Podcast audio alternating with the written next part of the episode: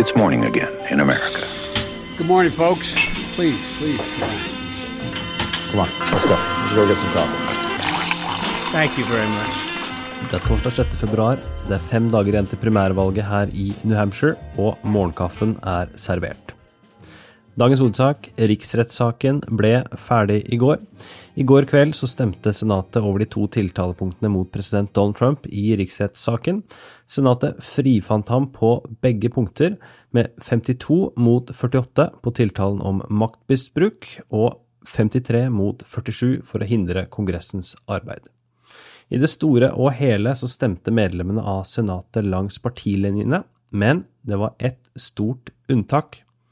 Senator Mitt Romney, republikaneren fra Utah, republikanernes presidentkandidat i 2012, brøt med partiet og stemte for på tiltalepunktet om maktmisbruk. Kan her høre hvordan Romney selv forklarte dette på Fox News, og på dette tidspunktet så hadde han da ikke informert Det hvite hus, og det ryktes at de og Trump ble fly forbanna over det som skjedde, for de kunne da ikke lenger si at dette var en ren partipolitisk prosess fra demokratene, med kun demokrater som stemte for. Nå også en republikaner på det, så de kan ikke lenger si det. Senator Romney, thanks for talking with us. Thank you, Chris. Good to be with you. You decided to vote to convict the president, but you knew that it wasn't going to pass. So I guess the direct question is do you believe that Donald Trump is unfit to serve as president and should be removed from office? I believe that the act he took, an effort to corrupt an election, is as destructive uh, an attack on the oath of office and on our Constitution as I can imagine. It is a high crime and misdemeanor within the meaning of the Constitution, and that is not a decision I take lightly. It is the last decision I want to take. The personal consequences, the political consequences that fall on me as a result of that uh, are going to be extraordinary. But I swore an oath before God, and I'm a religious person. Romney skriver seg med dette inn i historiebøkene. Han er den eneste som har stemt for å stille en president for sitt eget parti for riksrett. Han var fullt klar over at det ville komme sterke reaksjoner fra Trump og Det hvite hus og Trump-tilhengere. Eh, presidentens sønn, Trump jr., var ute og sa at eh, Romney måtte bannlyses fra partiet.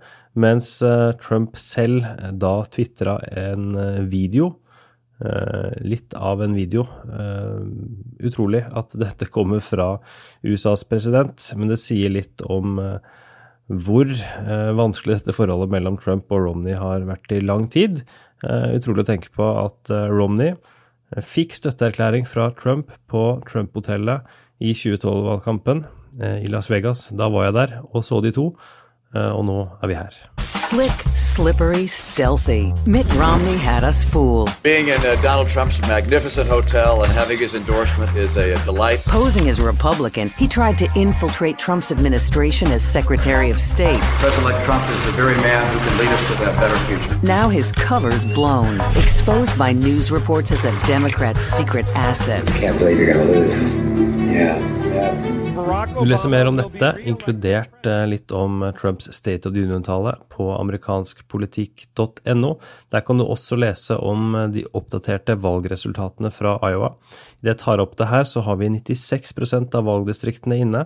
Det er fortsatt Bernie Sanders som leder i antall stemmer, og det er fortsatt Pete Buttigieg som ligger an til å vinne i andel delstatsdelegater, den tradisjonelle måten å kåre vinneren fra Iowa. Med det sagt, Bernie Sanders leder nå i 538s oppdaterte modell. Eh, han ligger best an blant de demokratiske presidentkandidatene til å vinne nominasjonen. Etter Iowa så er kandidatenes sjanser til å vinne et flertall av landsmøtedelegatene som følger.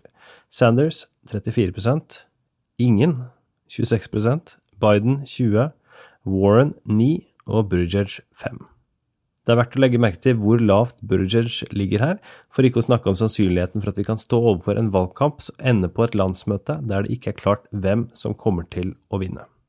I dag må du få med deg 2020. Vi har en ny episode. Vi snakker om hva som skjedde i Iowa, og hva vi kan vente oss i New Hampshire. Jeg tar opp dette fra Exeter, New Hampshire, og har da på onsdag vært på valgmøter med Bernie Sanders, og i podkasten så får du også høre et lite intervju med Andrew Yang. Dagens utgave av Morgenkaffen er servert av Ingrid Sofie Stangeby Wendsel og undertegnede Are Togflaten. Du abonnerer ved å gå til ampor.no kaffen. Dersom du ønsker daglige oppdateringer fra valgkampstien her i USA, ta turen til patreon.com ampor.